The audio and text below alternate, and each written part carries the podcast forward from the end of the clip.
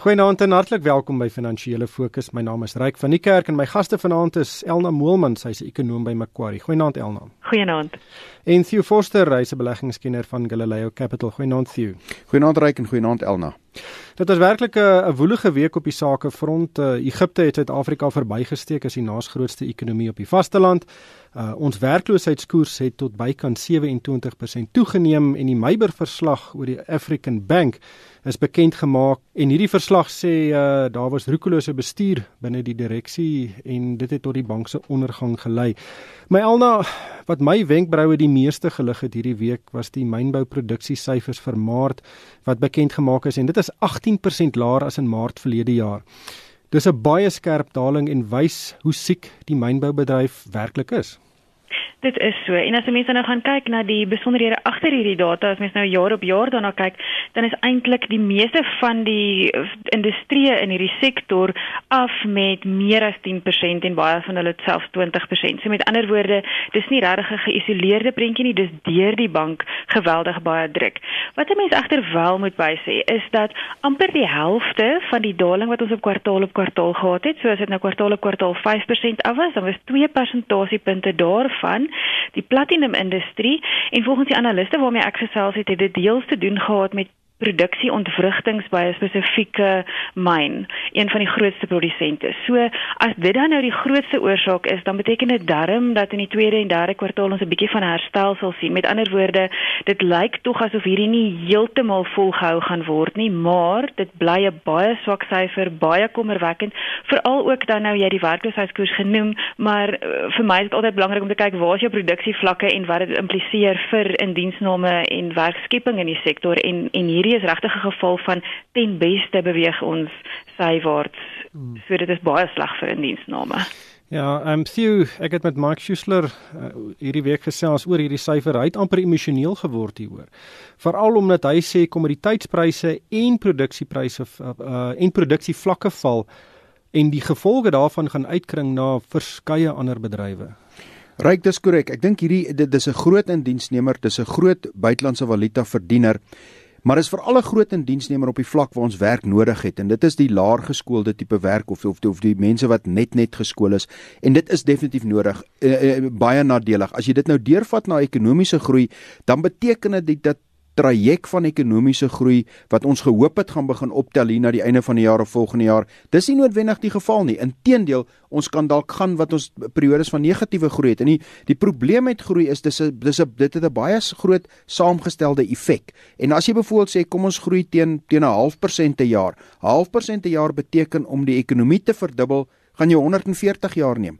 5% per jaar groei gaan die ekonomie verdubbel in 15 jaar. So as 'n mens na die syfers kyk en jy sê maar wat is die saamgestelde effek daarvan dan voorspel hierdie definitief nie goed vir die tweede helfte van die jaar en ook nie goed vir volgende jaar. En as jy dit terugtrek na indiensneming, na werkloosheid, na die graderingsagentskappe, lê groei kern tot hierdie hele argument. En hierdie tipe syfers is definitief nie positief vir die vooruitsigte vir groei nie. Hmm.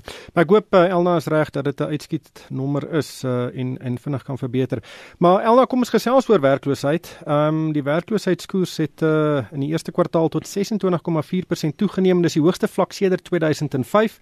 En dis natuurlik dit bly een van ons land se grootste strukturele probleme dis bly en as ons nou terug na die vorige gesprek, ek dink wat belangrik is is is mense moet aanvaar dat dat mynbou se tyd van jou groot werkskepper wees verby is. So ek dink die fokus moet absoluut wees op wat gaan ons doen om daardie leemte te vul.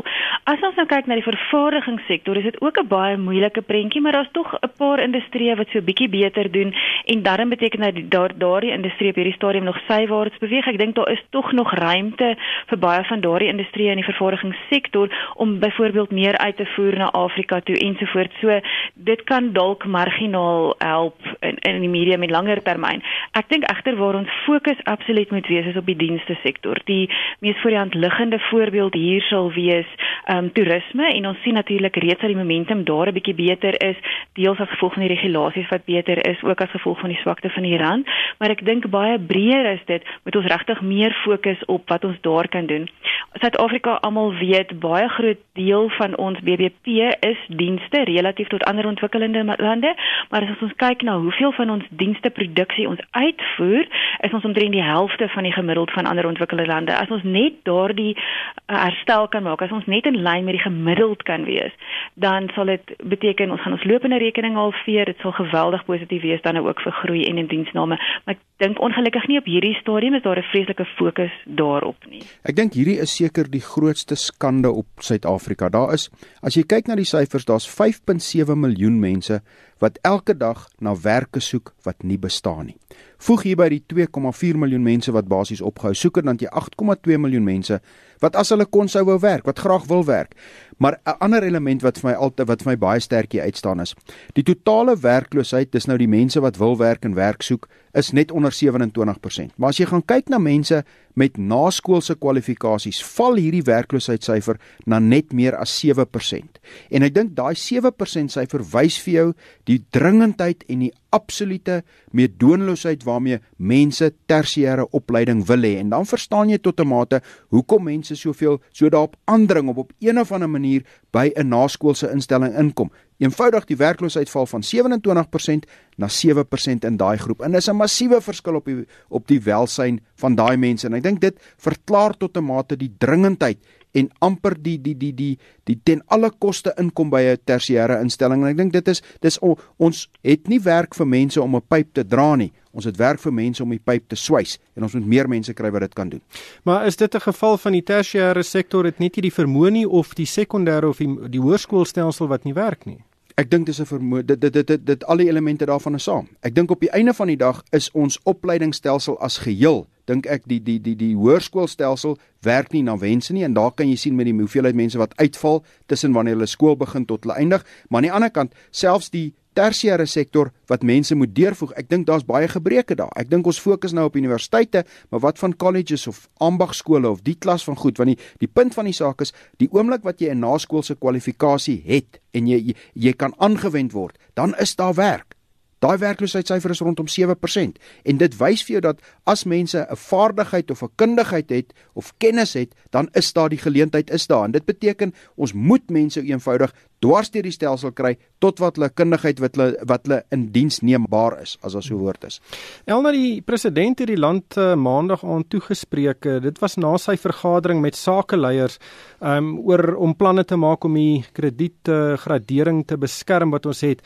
Maar dit is ook die dag wat ons die werkloosheidssyfers gesien het en hy het dit nie eers genoem nie. Dink jy nie dis nodig dat die regering en die privaat sektor moet saam staan en eerder fokus op werkskepping ehm um, as byvoorbeeld die beskerming van die kredietgradering nie? Ek dink dit gaan alles hand aan hand en ek dink dit is 'n baie belangrike punt is dat baie van die goed wat ons doen kry nou nuwe momentum omdat almal regtig paniekerig is oor oor die kredietgraderings. Maar selfs as ons geen gradering gehad het of regtig nie omgegee het daaroor nie, was al hierdie selfde probleme nog steeds net so nodig geweest. En ons dink hier spesifiek aan twee elemente. Die een is die groei kant. So so absoluut hierdie groei momentum is nodig om die indiensname probleme op te los net soveel as wat dit nodig is om die kredietgradering, afgradering te vermy en dan dieselfde geld aan die fiskale kant. Die die die noodsaaklikheid daarvan om die fiskale posisie te verbeter word nou half ondersteun deur hierdie momentum agter die kredietgradering, maar dit is net so belangrik vanaf 'n uh, nie kredietgraderingsperspektief. As jy nou dink, ek het dit al voorheen op die program genoem dat de, ons amper net soveel spandeer op ons skuldterugbetaling op hierdie stadium as aan die totale sosiale ehm um, toela spandering. So so dit is absoluut noodsaaklik dat hierdie goed gebeur ongeag die kredietgradering. Dit help eintlik net om vir die minister van finansies 'n bietjie meer rede te gee om almal te sê fokus op op hierdie probleme. Sien uh Daai vergadering tussen die president en die sakeleiers is uh, een van die min ligpunte wat ons hierdie week gesien het. Um, en en dit lyk of uh, daar ten minste 'n produktiewe uitkoms is van daai vergadering. Ryk, daar's 'n ou gesegde wat sê jy moenie 'n lekker krisis vermors nie. En ek het idee ons is nie besig om hierdie krisis te mors nie. En ek dink as jy gaan kyk deesdae Die sakelei wat betrokke is is reg is die is regte sakelei. Mense wat besighede gebou het wat nie afhanklik was van 'n tender of 'n kontrak nie. En dit gee mense ligpunt. Dan sien jy dat jong president Ramaphosa praat ook daarvan dat met die Eskom krisis is daar 'n geleentheid geskep vir privaat publieke investering in in veral in hernubare energie en ons sien daai projekte deurgekom. Dit het gewerk. Daar's miljarde rande spandeer daaraan en ek dink as 'n mens daai vat en jy vat ook die mikpunt dat onthou Suid-Afrika is sy infrastruktuur is die beste regeer toe meneer Set Blatter die riglyne neergelê het net voor die 2010 Wêreldbeker. Ek het die idee die graderingsagentskappe speel nou daai rol. Dit fokus Suid-Afrika in een rigting om die regte goed te doen en dit in plek te kry. En ek begin al meer sien dat daai elemente is besig om na die partytjie te kom. Dit gaan tyd vat want daar was 'n daar's 'n groot vertrouensbreuk wat oorbrug moet word, maar ek begin sien dat daadwerklike gesprekke plaasvind en as die gesprekke gaan soos die hernubare energie, gaan kapitaal dit volg. Matthew, ehm um Suid-Afrika is baie goed om te praat. Ons praat, praat, praat, praat. Daar's planne, planne, planne en die uh, president het selfs nou oor 'n nuwe plan op die tafel gesit. Wanneer kry ons daai graaf in die grond? Ryk, ons het planne en planne as dit by die regering uitkom. As dit by Suid-Afrikaanse besighede kom, is ons uitstekende sakelei wat goederes deurvoer op 'n wêreldklas, nie net in Suid-Afrika nie. En ek dink die kern hier gaan wees, gaan die regering die sakelei en privaat kapitaal betrokke kan hou betrokke kan kry, want dan gaan dit afgelewer word. As dit suiwer van die regering afgaan, afhang wel da, dan dink ek gaan ons gaan ons nie hierdie krisis gebruik nie, dan gaan ons hom vermors. Maar as die privaat sektor betrokke raak en privaat kapitaal raak betrokke op die mate waartoe dit kan betrokke raak, dan dink ek ons is in 'n ander speelvlak. Wel ek hoop jy's reg. Elna, ehm um, Egipte se ekonomie is skielik groter as Suid-Afrika se, grootliks vanweë die devaluasie van die rand. Ehm um, weet dit maak seker nou nie 'n verskil in die praktykie, maar dit voel nie baie lekker nie dit doen nie en ek dink dit is net een van daardie knaande faktore wat weer eens soos met die kredietgraderingsagentskappe tot 'n baie mindere mate die regering se fokus 'n bietjie bring na ons is besig om relatief tot die res van die wêreld agteruit te gaan. Daar was nogal 'n goeie grafiek gewees in hierdie jaar se begrotingsoorsig deur nasionale tesourie wat hulle die groeikoerse van Suid-Afrika teenoor die gemiddeld van die wêreld ontleikende markte en ontwikkelde markte ehm um, wys en dit is regtig skokkend om te sien hoe ons hoe swak ons is relatief tot die res van die wêreld. Dit is altyd so maklik om te sê dis 'n baie moeilike internasionale prentjie op hierdie stadium, maar as 'n mens daarna kyk, ons sien ook nog 'n deeglike ontleding van Suid-Afrika se uitvoermarkandeel per kommoditeit, wat dan vir jou presies kan sê hoe jy per kommoditeit presteer. Met ander woorde dan kan jy dit nie toeskryf aan waar die totale vraag is nie. Dit gaan absoluut oor jou relatiewe prestasie en dit is regtig skokkend om te sien hoe sleg ons in in, in van daardie goed doen. As jy my persepsie van Egipte is, daar's piramides met toeriste op kamele en dan het hulle 'n lang rivier met mooi groen walle, maar die res is maar 'n woestyn. Hoe op die aarde kan hulle groter wees as ons? Wel, ek dink toe ons almal gekyk het en, en nou nou voeg ons by hierdie hele hierdie hele uh, Arabiese lente wat soort van saamgegaan het met 'n lae infrastruktuur of of 'n laatklas burgeroorlog.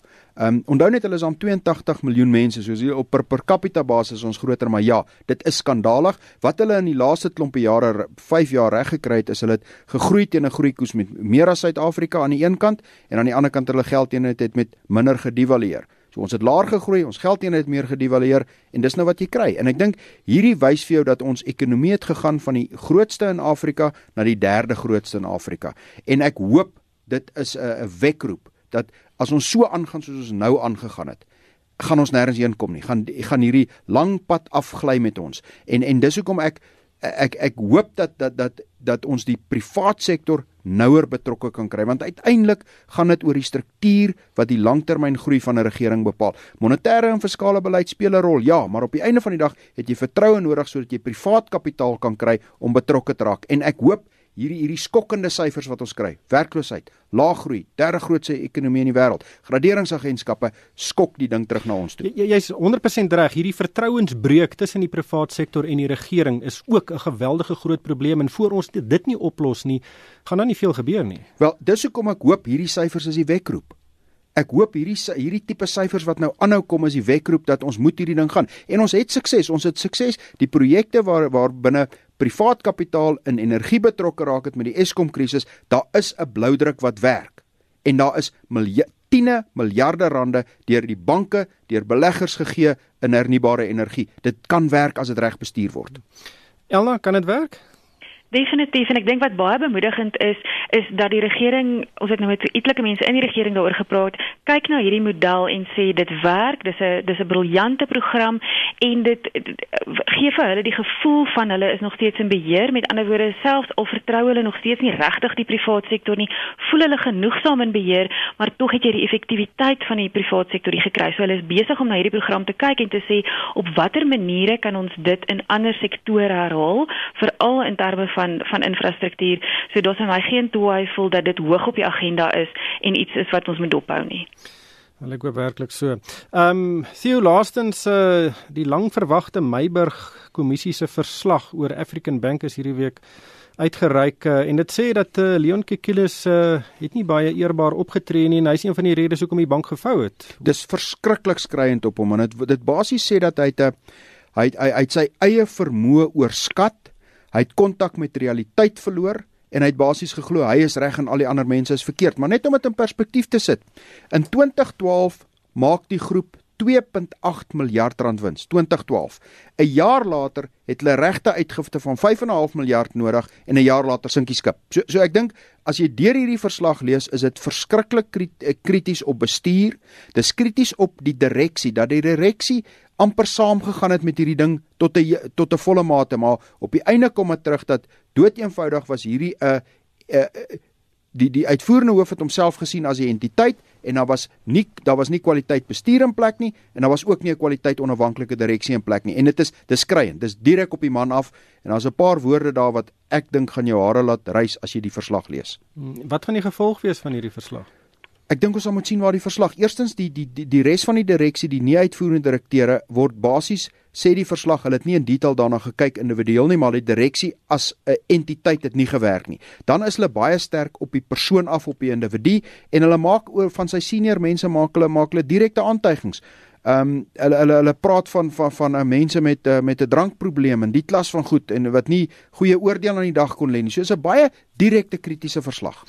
Ongelukkig is dit alwaar vir ons tyd het. Baie dankie aan Dr Elna Moelman van Macquarie en Theo Forster van Galileo Capital en van my ryk van die kerk. Dankie vir die saamluister en ek hoop almal het 'n winsgewende week.